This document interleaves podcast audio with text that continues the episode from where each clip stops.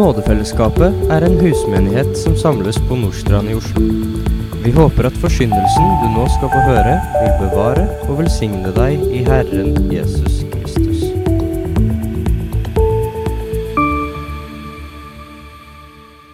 La oss eh, be sammen. Kjære Herre, vi eh, takker deg for dette ordet ditt, som vi prøver å sette oss inn i søndag etter søndag. Vi ber deg, kjære far, om at det kunne få lov til å trenge dypt inn i oss, Herre. At det kunne få lov til å bli åpenbart av din ånd. At det ikke ble uvirksomt i hjertene våre, men at det fikk lov til å spire. At det fikk lov til å gro, at det fikk lov til å forme oss slik som pottemakeren skal forme leiren, Herre. At det vil kunne få bli kar til din ære. Alle som får lov til å sitte og lytte til ditt ord, og får lov til å lære av det. Vi ber, Herre, om at uh, din ånd må være iblant oss og åpenbare ditt ord, slik du har lovet. Amen. Forrige uke så snakka Jesus om at frykt hindrer mennesker i å tåle den belastningen det er å bli stempla som ond. Og dersom en kristen har et sant og frimodig vitnesbyrd, så vil en bli regna som ond. En vil bli sett på som ondskap. Og ja, mot enden av denne tidsalder så kan det tyde på at alle andre vil oppleve deg som ond hvis du vil holde fram et sant og rett vitnesbyrd om Jesus. I våre dager så er det bare å prøve å velsigne Israel. Og du vil altså bli stempla som ondskap umiddelbart. Så det er et ganske tydelig tegn på at det Jesus sa, at mye mer skal altså vi oppleve å bli stempla som onde når vi altså er etterfølgere av han enn Jesus. Og som vi sa forrige søndag, det handler om at vi klarer ikke å fortelle og gjøre og handle fullkomment slik som Jesus gjorde. Så selvfølgelig så vil vi bli beskyldt enda mer enn han for å være ond. Likevel så trenger altså ikke en kristen å frykte, fordi alt skal en dag åpenbares. Alt som er forsøkt tildekket, og alt som er skjult, skal bli kjent. Om alle rundt deg mente at du var ond, så vil altså Gud selv rettferdiggjøre deg foran dem. Og du skal bli renvaska for alle i dems øyne, og så vil de selv stå tilbake igjen som de onde. Og fordi de er onde og har Satan til far, som, som, Jesus snakker om, så kan altså mennesker kunne komme til å drepe legemet. Det kan gå så langt at de er villige til å drepe deg. Og de kan deretter likevel aldri i evighet skade deg noe mer enn det. Men Gud som råder i all evighet, han kan altså ødelegge både kropp og sjel i helvete, leste vi. Og den som lever for det som er der oppe, den som har evigheten med i sitt perspektiv, en vil likevel ikke la seg skremme til taushet. Og så gjør en det som forkynneren poetisk beskriver, når han skriver Tenk på din skaper før sølvsnoren slites over og gullskålen slås i stykker, og krukken brytes i stykker ved kilden, og hjulet knuses og faller ned i brønnen. Før støvet vender tilbake til jorden og blir som det var før, og ånden vender tilbake til Gud som ga den. Den som har altså Gud i sine tanker på denne måten, mens man fortsatt er ung og sterk og har det man trenger. Når livet altså kan leves uten en tanke på det som vil komme. Når man har altså sin skaper i tankene, så vil hans kall over livet gjøre at man også i sin ungdom, i sin styrke og i sin rikdom vil oppdage at man er fullstendig avhengig av Han som ga mennesket sin ånd og livet. Og når Jesus avslutta sist med å si 'frykt heller for Gud' ved å peke på den straff Gud kan gi, så handler det, som vi så på da, ikke om redsel og gru. Det blir ekstra tydelig. Jeg hadde lyst til å ta med akkurat det. Det blir ekstra tydelig at det ikke kan handle om redsel og gru når vi skal frykte Herren, fordi at det kommer så sterkt fram i Jesaja kapittel 11, som er en veldig veldig sterk Messias-profeti. Hør hva som står. Vers 1-3 der. Men en kvist skal skyte fram av Isais stubb, og et skudd fra hans røtter skal bære frukt, og Herrens ånd skal hvile over han. Visdoms- og forstands ånd, råds- og styrkes ånd, den ånd som gir kunnskap om Herren og frykt for ham. Han, altså Messias, som skal komme, han skal ha sitt velbehag i frykten for Herren. Messias, Jesus, hadde sitt velbehag i frykten for Herren. Den evige sønn som alltid har vært elska av Faderen, som aldri har erfart noe annet, og som under sin ypperste prestlige bønn ber om at vi som er en del av han, skal få del i den samme kjærlighet som han alltid har hatt en del av. Han kan umulig ha redsel og gru for Faderen. Gudsfrykten er begynnelsen til visdom og handler om å innse Guds opphøyede posisjon, hans veldige makt og sammenhengen mellom kjærlighet og rettferdighet. En kjærlighet som frelser, og en rettferdighet som gjør at Gud vil dømme verden. Og der de som fortsetter sitt opprør mot ham, blir skilt fra Guds kjærlighet i fortapelsen. Og Det finnes derimot ikke noe sted der en allestedsnærværende Gud ikke er. Og Gud kan altså ødelegge både sjel og legeme i helvete. Og det er Gud som gjør det. Det er ikke Satan som gjør det. Det er Gud som gjør det. Fordi Gud er ikke fraværende i helvete. Guds kjærlighet er fraværende, men Guds vrede er til stede. Den som har fått lagt sitt liv i Guds hender, har ingenting å frykte. Og Jesus understreker altså dette sterkt i dagens tekst. Og Derfor så la oss lese den nå slik den står, fra vers 29 og utover i Jesu navn. Selges ikke to spurver for en skilling? Men uten deres far faller ikke én av dem til jorden. Men endog hårene dere har på hodet, er talt alle sammen. Frykt derfor ikke. Dere er mer verd enn mange spurver. Derfor, vær den som bekjenner meg for menneskene, ham skal også jeg kjennes ved for min far i himmelen. Men den som fornekter meg for menneskene, ham skal også jeg fornekte for min far i himmelen. Jeg synes Det er interessant med disse bildene som brukes. Spurven er altså en fugl som har en unik evne til å tilpasse seg. Du kan finne den i ekstreme ørken- og fjellmiljøer. Og gråspurven, som vi kjenner veldig godt her i denne byen, den har spredd seg til nesten hele jordas overflate, der det fins muligheter for den å lande. Den har tilpassa seg også menneskelig aktivitet på en spesielt god måte. og Derfor så lever den ofte nær der mennesket lever. Og så er det jo ikke store fuglen heller. Og Likevel så ble altså denne bitte lille fuglen på Jesus sin tid brukt som såkalt fingermat, eller om du vil kanskje som en appetizer eh, for, før et større måltid. Og, og, at man i det hele tatt altså, brukte slike fugler som nesten ikke kan gi mat, til å spise, det kan jo selvsagt reflektere noe om fattigdom og, og tæring etter næring. Altså, Vi har jo litt det samme i Norge når vi begynner å, å snakke om smalahove. Det er ikke mye kjøtt på det der, på huet heller. Eh, men det vitner noe om behov, i hvert fall. Men så reflekterte også da prisen hva skal vi si, den forholdsvis begrensa verdien som denne fuglen kunne gi. To stykker kunne kjøpes for det som også er oversatt med en skilling. Og Jeg syns alltid dette er greit å prøve å få innblikk i hva dette betyr. Og Pengeenheten som omtales i Bibelen her, det kalles en asarion. Og det var en sekstendedel av en denarius. Og En denarius det var altså en dagslønn. så Det betyr altså at to spurver kunne du få kjøpe for en sekstendedel av en dagslønn. Og For å prøve å få dette her inn i norske forhold, da, så vi får enda litt mer eh, greie på dette her, så jeg, skal ikke jeg gi dere en veldig grundig innføring i norske mynte, myntenheter. Men, én eh, skilling det gikk 16 skilling på det som ble kalt en mark, og 96 skilling på en daler. Så hvis dere har sunget en del gamle sanger, så snakker man om riksdaler og daler og sånn. Og i forhold til den nye myntenheten kroner, som kom i 1875, så var én skilling verdt litt over tre øre. En spurv kunne du altså kjøpe for ca. 1,6 øre. Og for moro skyld så plugga jeg da inn eh, i inflasjonskalkulatoren for å finne ut da hva dette ville vært verdt i dag. Og det betyr at i dag så måtte du gitt ca. 1 krone og 20 øre for en spurv. Spurven var altså nærmest verdiløs, og det er jo hele poenget her.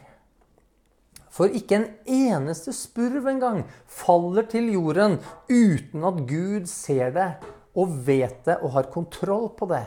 Har på mange måter sanksjonert at det har skjedd. Gud har altså en omsorg for spurven.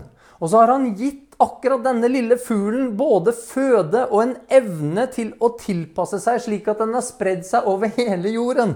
Den er altså mye mer utbredt og har mye større evne til å tilpasse seg enn mye større og såkalt prektigere dyr.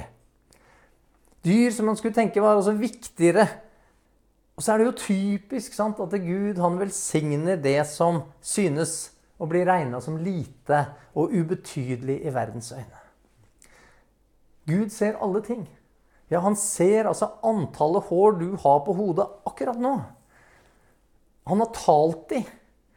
Og normalt så har et menneske mellom 100 og 150 000 hårstrå.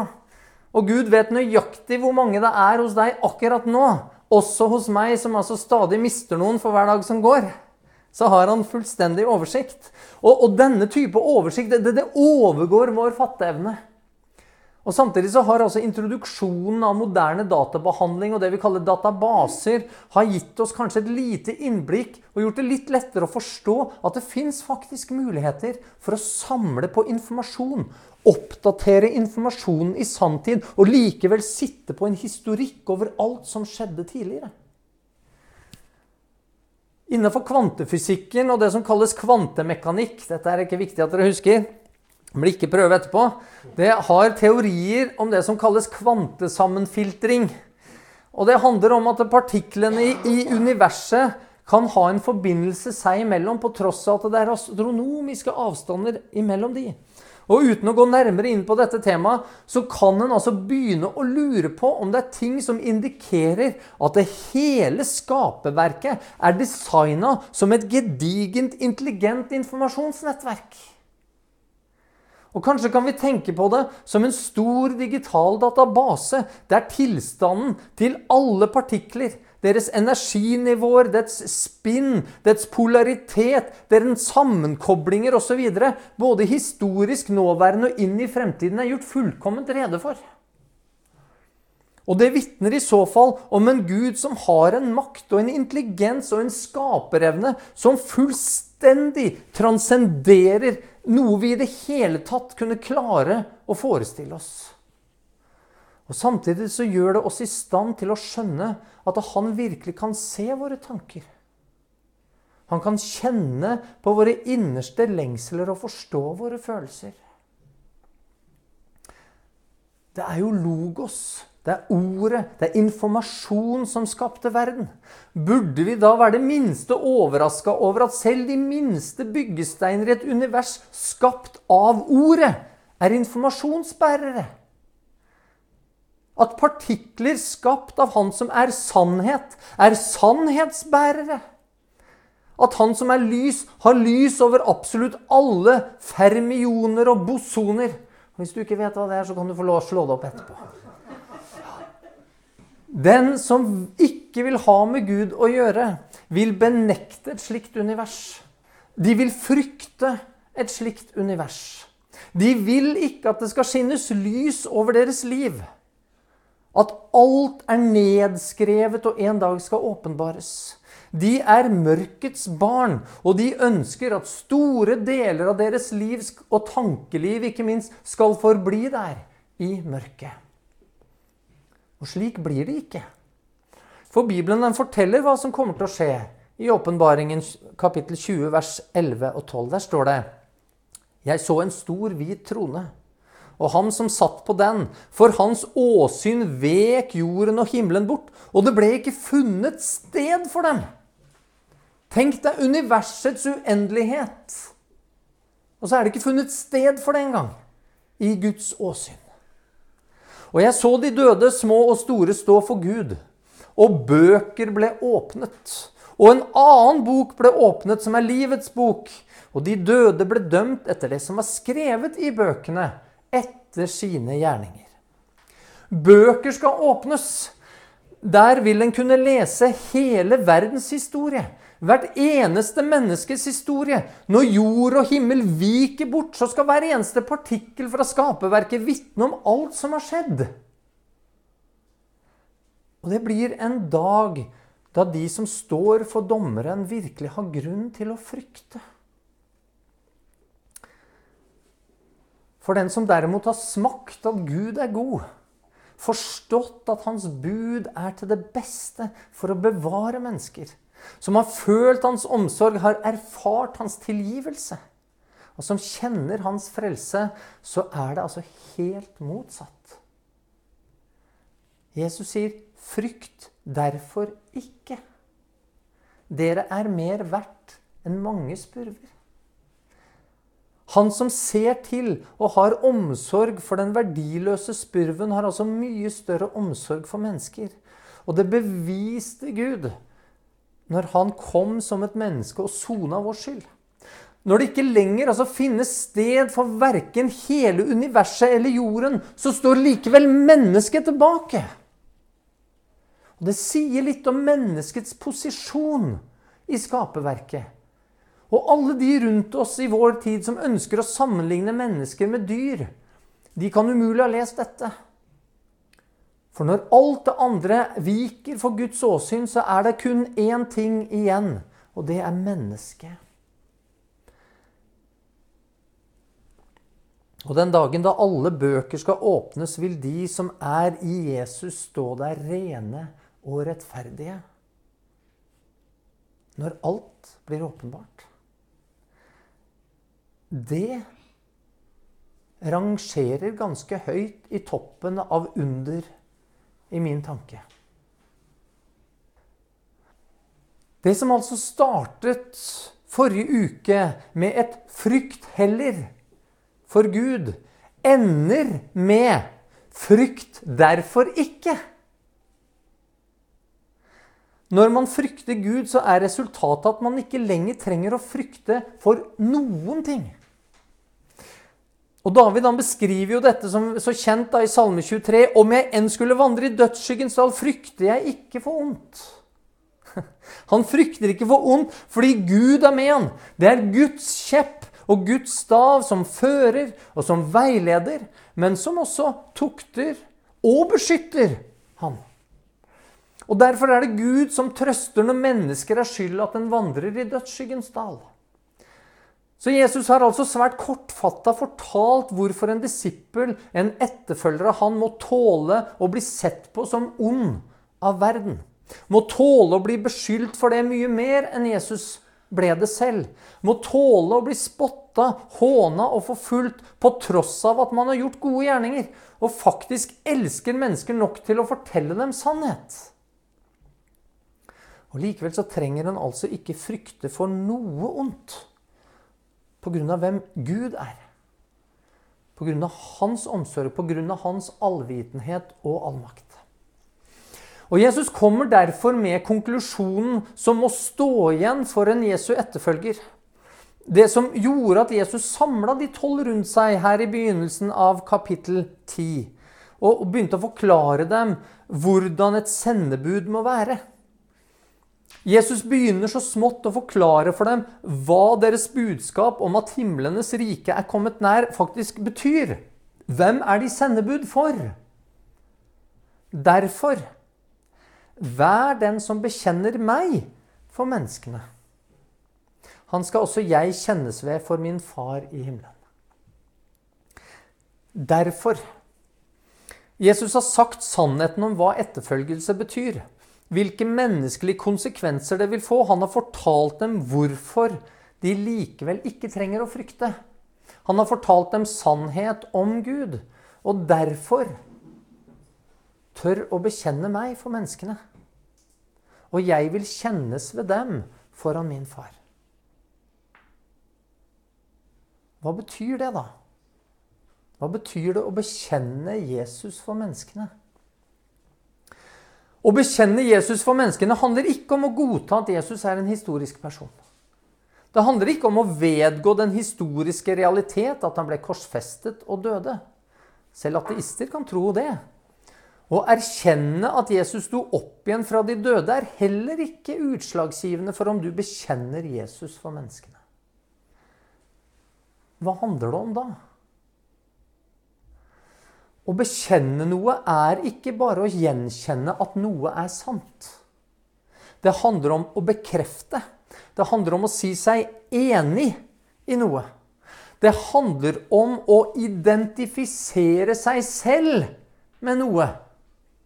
En knytter altså sin egen identitet opp imot det du bekjenner. Og Kanskje kan vi bruke et annet eksempel for å, gjøre dette mer forståelig for oss. En kristen skal bekjenne sin synd. I gudstjenesten som vi har, så har vi alltid en synsbekjennelse. Det er mer enn det å tilstå at man har gjort noe en ikke burde. Det, det handler om at man identifiserer seg som en synder. At det er en tilstand en befinner seg i. En, en knytter seg selv opp imot noe. Da må man altså bekrefte Guds ord. Man må bekrefte Guds lov. Man må si seg enig i dens innhold for at du skal kunne komme dit. Og det fører til en identifisering som gjør at man forstår at man er i behov av en frelser. At man trenger en fra utsiden som kan gjøre opp. Det fins også mange andre som kan hva skal vi si, bekjenne da i hermetegn ved at de, de tilstår sine feiltrinn. De kan si 'ja, jeg gjorde feil der' og ja. Og. Men men de trenger ikke å ha noen tanke om at de trenger frelse av den grunn. De vil på tross av utallige feiltrinn likevel kunne identifisere seg som gode mennesker. Hvis du spør de fleste mennesker er du et godt menneske, altså, eller hvordan identifiserer du deg? Identifiserer du deg som ond eller god? Hva tror du de fleste ville svart? Jo, de ville svart selvfølgelig at jeg er et godt menneske. Ja, de ville vedgått en hel haug med feiltrinn, en hel haug med lovbrudd, brudd på Guds bud. Men identifiseringen er at de er et godt menneske. Og For slike så er det jo egentlig bare da å forsøke litt bedre i framtida. Prøve å legge av seg på en måte noen problemer, prøve å lære av det, og, og i hvert fall ikke gjøre akkurat den feilen på nytt. Begge grupper har altså anerkjent feil. De kan altså anerkjenne at de gjør noe de ikke burde gjort. Men det er kun de som bekjenner sine feil, som en kan forvente vil søke tilgivelse av Gud. Å bekjenne Jesus handler altså om å gi Jesus rett. Bekrefte det han sa, det han sto for. Det handler om å identifisere seg med Jesus i så stor grad at hans liv blir ditt liv. At hans død og oppstandelse blir min død og oppstandelse. Paulus han skriver det slik i Romerne 6, vers 8.: Men døde vi med Kristus, da tror vi at vi også skal leve med Han. Ser dere? Dette er ikke noe ytterligere ytre, faktiske forhold. Dette er indre ting som er en del av din egen personlighet. Vi bekjenner altså ikke Jesus ved å bekrefte at han er herre og frelser, men ved å ta imot og bekrefte at han er vår herre og frelser. Og så begynne å leve etter det. Det må altså bli vår identitet. Ikke bare en ytre sannhet som vi anerkjenner.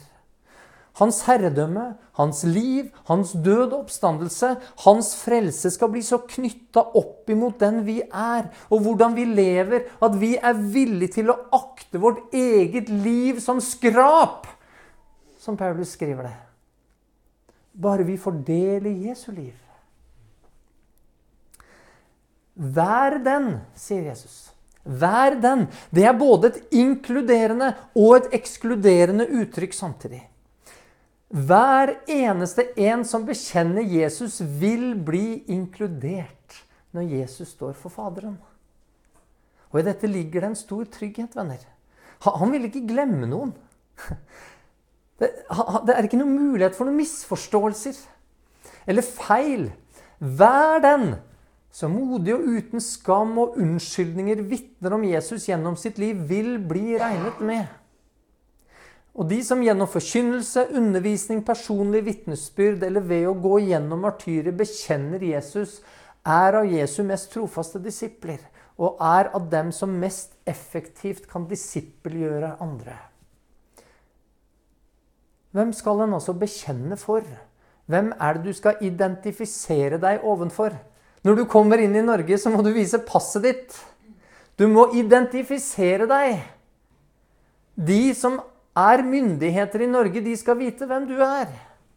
Du slipper ikke inn i riket uten at din identitet er bekrefta fra en høyere autoritet.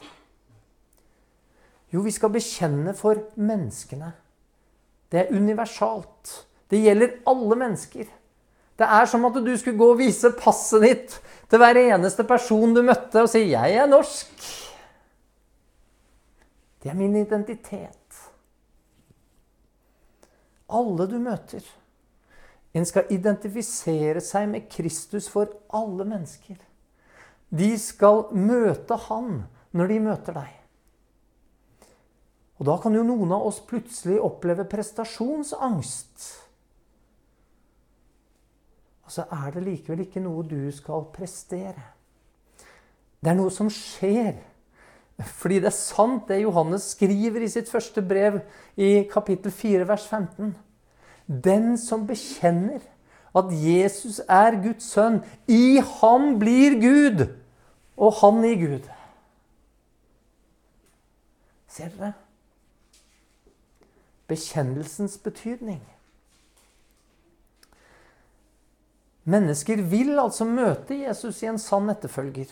Fordi gjennom bekjennelsen så tar Gud selv bolig i en, og ens identitet blir dette nye mennesket. Slike mennesker med en slik identitet vil altså oppleve mye mer enn Jesus å bli kalt onde. Jo mer din identitet blir lik Jesus, jo mer vil verden hate deg. Jo mer du klarer å leve rett, jo mindre du synder. Jo mer selvoppofrende du er, dess mer vil falske anklager begynne å ramme deg og komme din vei. Og Så kan også sanne etterfølgere til tider falle. Og så er Bibelen et vitnesbyrd om mange troshelter som falt. Det er altså 2000 år med slike historier. Alt ifra Abraham og til Peter som fornekta. Men Gud han har altså alltid forblitt trofast. Og så ble ikke disse menneskene liggende. De forble ikke der. Og på den måten så er de altså en trøst for oss i møte med vår egen skrøpelighet og våre fall. Historien vitner om at de som i sannhet har identifisert seg med Kristus, de har klart å stå gjennom stormen. Det er en historie fra en som het Pliny, som var guvernør i Bitynia, nordvest i dagens Tyrkia i Romerriket. Og han skrev et brev som er blitt tatt vare på til keiser Trajan. Og den som kjenner litt om sin Romerrike-historie, vet at Trajan var en av de aller verste til å forfølge kristne. Og I dette brevet så, så driver Plini og forsøker å unnskylde seg fordi han ikke synes å klare å utslette fremveksten av kristendom i hans del av riket. Og han hadde forsøkt det meste. Han hadde forsøkt arrestasjoner, kan vi lese, bøter, fengsling, slag, tortur. Forskjellige former for henrettelser. For å få dem til å benekte altså Kristus og brenne røkelse i tilbedelse for Cæsar. Og så skriver han ingen som virkelig er kristne. Jeg syns det er fascinerende at han bruker slikt språk. Ingen som virkelig er kristne. Han har altså møtt på noen som kalte seg kristne, han òg. Som ikke var det. Høres kjent ut, du. Men ingen som virkelig er kristne, kan tvinges til å gjøre noen av disse handlingene. Altså fornekte Kristus og brenne røkelse i tilbedelse til Cæsar. Til og med en hedensk leder forsto at noen med en slik overbevisning måtte være en sann troende. Uttrykket 'vær den' er altså også ekskluderende. Og Jesus avslutter denne delen med motsatsen til det å bekjenne ham. Men den som fornekter meg for menneskene, ham skal også jeg fornekte for min far i himmelen. Jeg vet ikke om dere har tenkt på det, men Matteusevangeliet setter opp skiller mellom falske og ekte etterfølgere. Den er veldig opptatt av det. Veldig mye plass er satt av til å skape disse skillene, til å skape kontrastene.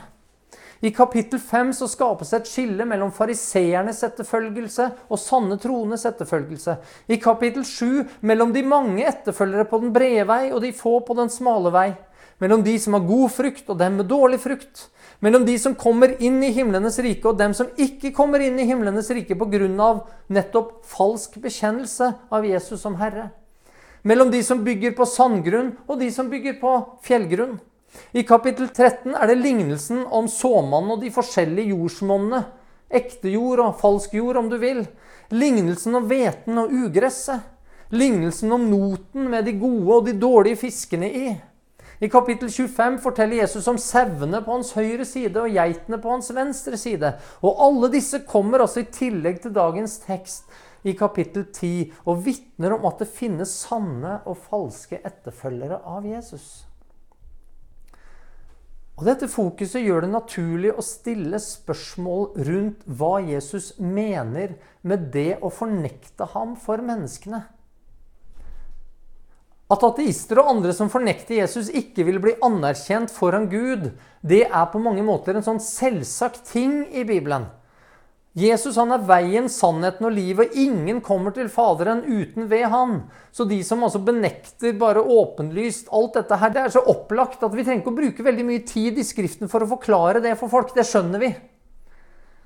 Men fokuset er der likevel mellom skillet mellom ekte og falskt.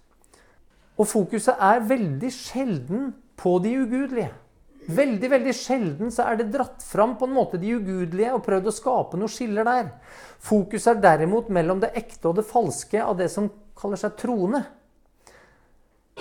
Da blir spørsmålet er det mulig å fornekte Jesus på andre måter da, enn en ateist f.eks. ville gjøre det. Alle disse stedene i Matteus vitner om at svaret på det må være ja. Selv de som altså bekjenner med sin munn i kapittel 7 at Jesus er Herre, og tror at Jesus sto opp fra de døde, blir fortalt av Jesus at han aldri har kjent dem, at de må vike bort fra ham. Slike fornektet Jesus for menneskene, enda de sa med sin munn at de var Jesu etterfølgere. Det er mulig å fornekte Jesus altså på andre måter. Det er mulig å fornekte Jesus ved å være stille ved å la være å vitne om ham og prøve å forbli anonym. Det er mulig å fornekte Jesus ved sine gjerninger, slik som disse mange i Matteus 7 som, som gjorde urett. Altså Det var noe de gjorde som ikke validerte bekjennelsen de hadde, og ordene de hadde. For de som da vil leve som verden, eller følge verdens moral eller verdens skikker og verdens lover uten å holde fram Bibelens standard og Bibelens verdier, de fornekter Jesus. Det er mulig å fornekte Jesus ved å bruke profane, vulgære og blasfemiske ord. En kan fornekte Jesus ved å forkynne, undervise og vitne falskt om hvem han er og hva han har gjort ved å undergrave tilliten til Hans ord og sette spørsmålstegn med om det som Guds ord taler klart og tydelig om. Det er altså mulig å fornekte Jesus på mange andre måter enn offentlig å ta avstand fra eller gi avkall på ham. Så lå det altså Jesus på hjertet å male ut dette bildet om hva sann etterfølgelse er, og så sette det opp med kontrasten imot falsk etterfølgelse. Og så er det mange i dag som vil reagere om man har et slikt fokus. Ja, Om du bare har det i én en eneste tale, så vil det umiddelbart begynne å snakke om ja, loviskhet, eller hvor, hvor blir det av evangeliet? Det bør altså derimot ligge på hjertet også til enhver som forkynner Guds ord, og vitne om det skillet som ligger mellom sann og falsk etterfølgelse. Selvsagt fordi Bibelen fokuserer en god del på det. Jesus fokuserer mye på det. Men grunnen er altså veldig tydelig i dagens tekst. Fordi Jesus vil fornekte falske etterfølgere foran sin far. De vil gå fortapt. Og da hjelper det ikke om en har trodd at en er kristen, fortalt andre at en er kristen, om en har vært ansatt i kristne organisasjoner eller kunne smykke seg med forskjellige titler som teolog, prest, prost eller biskop. Falske etterfølgere går fortapt. Og Derfor så er det ikke rart at Jesus snakker mye om det, og at Matteus bruker mye plass på dette. Mennesker må nemlig bli hindret i å bli forført. De må se denne, dette skillet, denne kontrasten. De må bli hindra fra å lure seg selv. Så blir spørsmålet, når jeg kjenner at en sånn tekst kan ramme meg Hvordan er det med meg? Hvordan er det med deg? Identifiserer du deg med Jesus? Er han din identitet? Er det passet du kan ta fram og vise 'Jeg er Jesus sin'? Er det slik når du møter mennesker når du ikke er i kirken? Når du er hjemme, foran ektefellen din, barna dine, arbeidskollegaene eller elever? Bekjenner du han?